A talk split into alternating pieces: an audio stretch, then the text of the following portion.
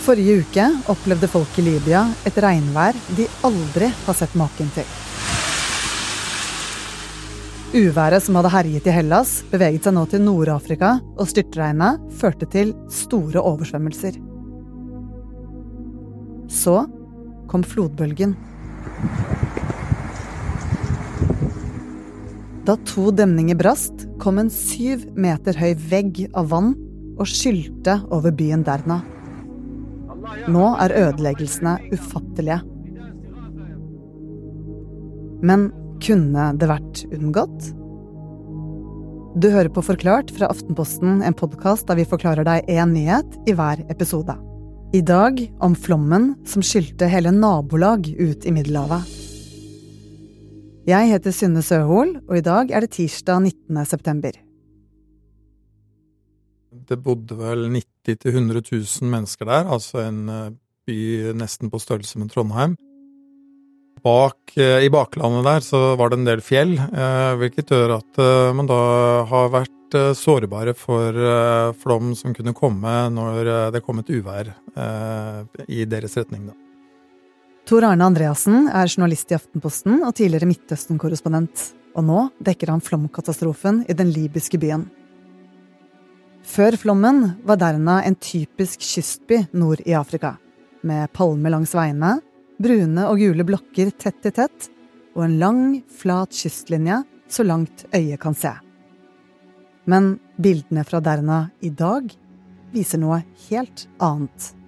De første bildene som vi så fra Derna etter katastrofen eh, sist helg, eh, var jo da satellittbilder. Vi kunne se at eh, store deler av byen var jo da blitt skylt ut eh, eh, nærmest på havet. Jeg har snakket med folk som sier det at den her elveleiet som der hvor flommene kom, der har sidene på elven da flyttet seg 40 meter i hver retning. Og bare revet med seg bygninger som sto langs elven der. Og eh, betongbroer som gikk over eh, elva, er bare blitt uh, skylt vekk. Ødelagt av ting som har kommet med vannet nedover. Og man vet jo ikke helt hvor mange mennesker som døde da dette skjedde, men kanskje 20 000 mennesker som er døde i denne katastrofen. Hva var det egentlig som skjedde? Ja, Det som skjedde, var at det kom en storm, eh, stormen Daniel, som eh, jo litt noen dager tidligere hadde eh, skapt voldsom flom i Hellas, Bulgaria og i Tyrkia. Og dette skapte jo da Fikk jo så mye vann til å renne nedover der hvor elven vanligvis går, og den eh, trykket på disse demningene som er der oppe, ble så stort at de brast. Og det skapte da en syv meter høy bølge som ødela eh, byen fullstendig.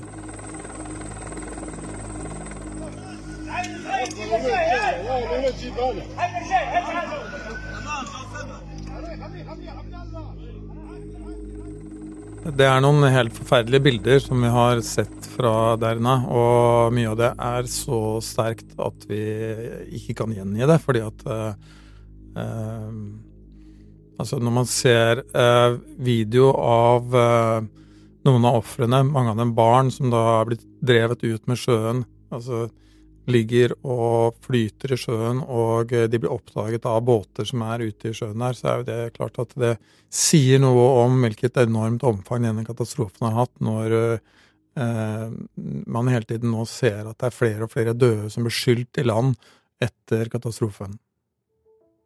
Nå leter folk i Libya etter svar på hvordan dette kunne skje, og hvem som har ansvaret. Noen i landets ledelse mener at dette var Guds vilje, og at ingen kan klandres for en naturkatastrofe. Men er det egentlig sånn? Eller har menneskelig svikt gjort katastrofen mye verre?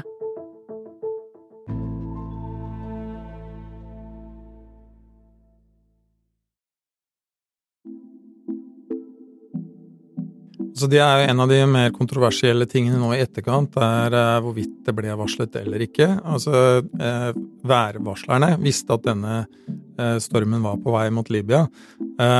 Og vi har hørt at det var ble gitt et varsel om at folk skulle komme seg bort fra den delen av byen som er ut mot kysten, fordi man fryktet en springflo, altså at eh, havnivået eh, kommer høyere enn det det normalt er. Men eh, så vidt jeg vet, så ble det ikke gitt noe varsel om at det kunne komme en voldsom flom der hvor elva kommer ned mot byen. Og eh, det ble faktisk da eh, gitt litt motstridende meldinger fra myndighetene til befolkningen. De fikk også beskjed om å holde seg inne, fordi at myndighetene mente at den beste beskyttelsen folk kunne ha, var å holde seg inne og ikke være ute der hvor elementene var kraftigst. Det resulterte da at når denne demningen brast midt på natten, så var det jo mange da mennesker som bare lå og sov i leilighetene sine, og da ble offer for katastrofen. Det er flere grunner til at stormen ble så farlig. For det første så var det ekstremt mye nedbør. På bare ett døgn så regnet det like mye som det ellers gjør på ett og et halvt år. Menneskeskapte klimaendringer og høye temperaturer gjorde situasjonen enda verre. Den høye temperaturen i Middelhavet gjorde stormen kraftigere, og i tillegg er det blitt veldig tørt i Libya. Og når jorden er så tørr, så trekker ikke vannet ned i bakken, men det bare flyter videre. Og slik blir vannmassene store på vei mot demningene over byen Derna. Men nå, etter katastrofen, ser mange også kritisk mot disse demningene som skulle beskytte byen. Det er jo de som mener at så mye regn som det kom på en gang, eh, så ville ikke disse demningene ha tålt uh, den påkjøringen uansett. Men altså, Det får vi aldri svare på, men det vi vet, er at uh, det har vært varsler om at disse demningene har vært sårbare i lang tid. Og uh, altså De ble bygget på 70-tallet, og allerede på 80-tallet kom det meldinger om at de var blitt skadet av stormer som hadde vært. Og det har vært fra myndighetenes side gitt eh, oppdrag til et tyrkisk firma om å reparere disse demningene. Eh, men det mener man da nå i ettertid at ikke har skjedd. Hvorfor ikke? Det det ser ut som, er at eh, av revolusjonen i Libya i 2011 så ble det en voldsomt usikker sikkerhetsmessig situasjon i Libya, og at derfor man da ikke eh, klarte å få reparert disse demningene som man hadde planlagt. Revolusjonen i 2011 preger fortsatt Libya. En stor del av bakgrunnen var at folket var lei av diktatoren Muammar al-Gaddafi. Ja, Gaddafi han eh, var eh, diktator i Libya i en 30 års tid. Eh, han var uh, ung offiser da han uh, og de militære grep makten på slutten av 70-tallet. Han var en er kanskje sånn, kjent som en veldig sånn eksentrisk diktator som likte å reise rundt med et digert telt, og som hadde mye rare ideer om hvordan verden skulle være. Da den arabiske våren kom til Libya, slo Gaddafi hardt tilbake mot opprørerne øst i landet.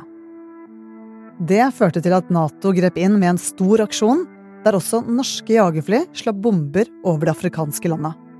The Libyan revolution of 2011 was about one thing above all else removing Colonel Gaddafi from power. In Libya, Muammar Gaddafi was captured and killed after 42 years in power. I den beskutte hjembyen ble Gaddafi tatt. Det det endte med, var jo da at opprørerne vant, og eh, Gaddafi ble drept. Eh, men man klarte ikke da å få et stabilt Libya. Man fikk et svært ustabilt eh, land som har vært i kaos nå siden 2011. Så selv om diktatoren ble kastet, så ble det ikke det fredelige samfunnet som mange libyere hadde håpet på. Ustabiliteten har gjort at det nå er to regjeringer, og begge vil styre hele landet. For befolkningen i Libya så har det tragisk nok da vært sånn at uh, man, man, ser bare liksom at landet synker mer og mer ned i uh, kaos og uh, i ja, usikkerhet. F.eks. fra kriminelle, da, som lever av å kidnappe folk og, og kreve erstatning og, og, og, den type ting. Så vedlikehold av demninger var kanskje ikke akkurat øverst på listen, verken under Gaddafi eller tiden etter? Altså, Libya er jo faktisk et uh, rikt land som burde hatt uh, råd til å holde demninger og slikt i orden. Det, det, er masse olje og gass. Men uh, det har da blitt uh, vanskjøtta i mange, mange tiår. og det ble jo da enda verre etter det kaoset som oppsto i 2011. og det er jo typisk da at det blir satt av penger til å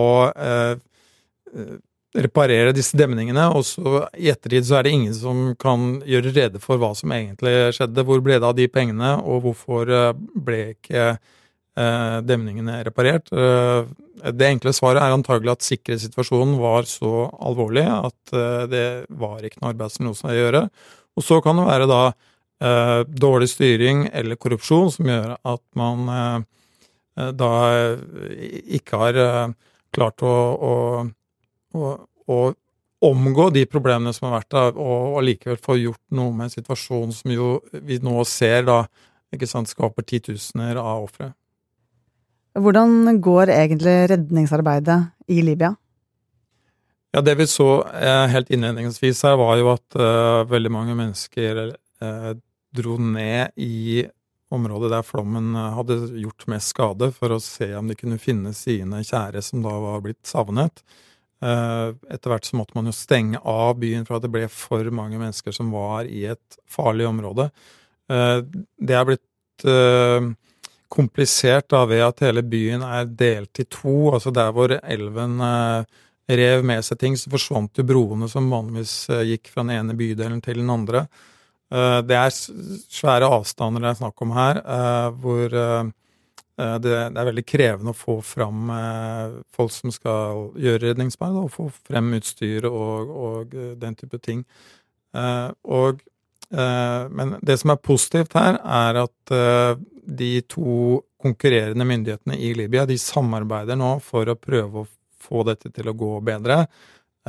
Men det er jo store utfordringer, og vi så jo et eksempel nå på at det kan være farlig ved at det var da eh, fire redningsarbeidere som ble eh, drept da de havnet i en bilulykke når de var på vei til katastrofeområdet.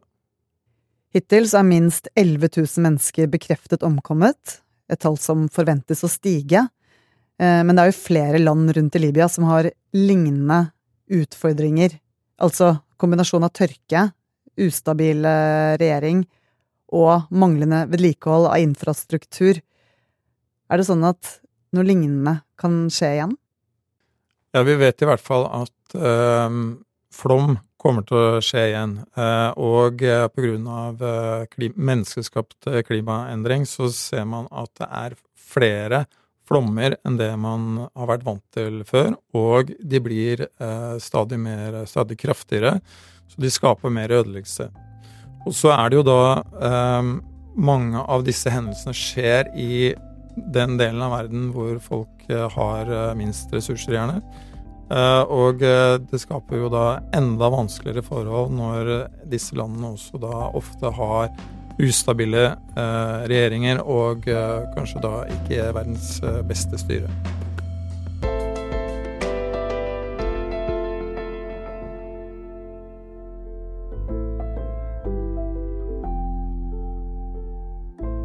Du har hørt en podkast fra Aftenposten.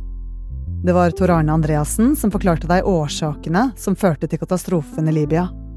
Denne episoden er laget av produsent Anders Weberg og meg, Synne Søhol. Resten av Forklart er David Vekoni, Olav Eggesvik og Jenny Førland.